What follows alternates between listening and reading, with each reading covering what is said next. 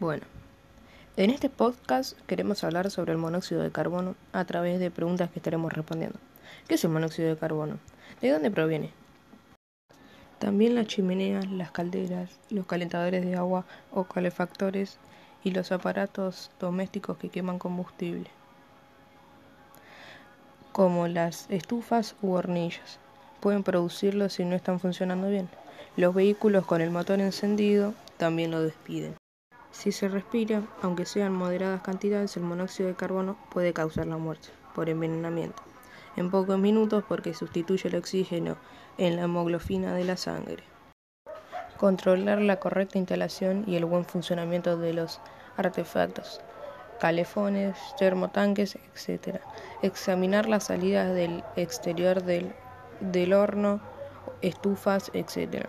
Fijarse que la llama de la cocina esté bien con su color azul, ya que si está anaranjada están funcionando mal.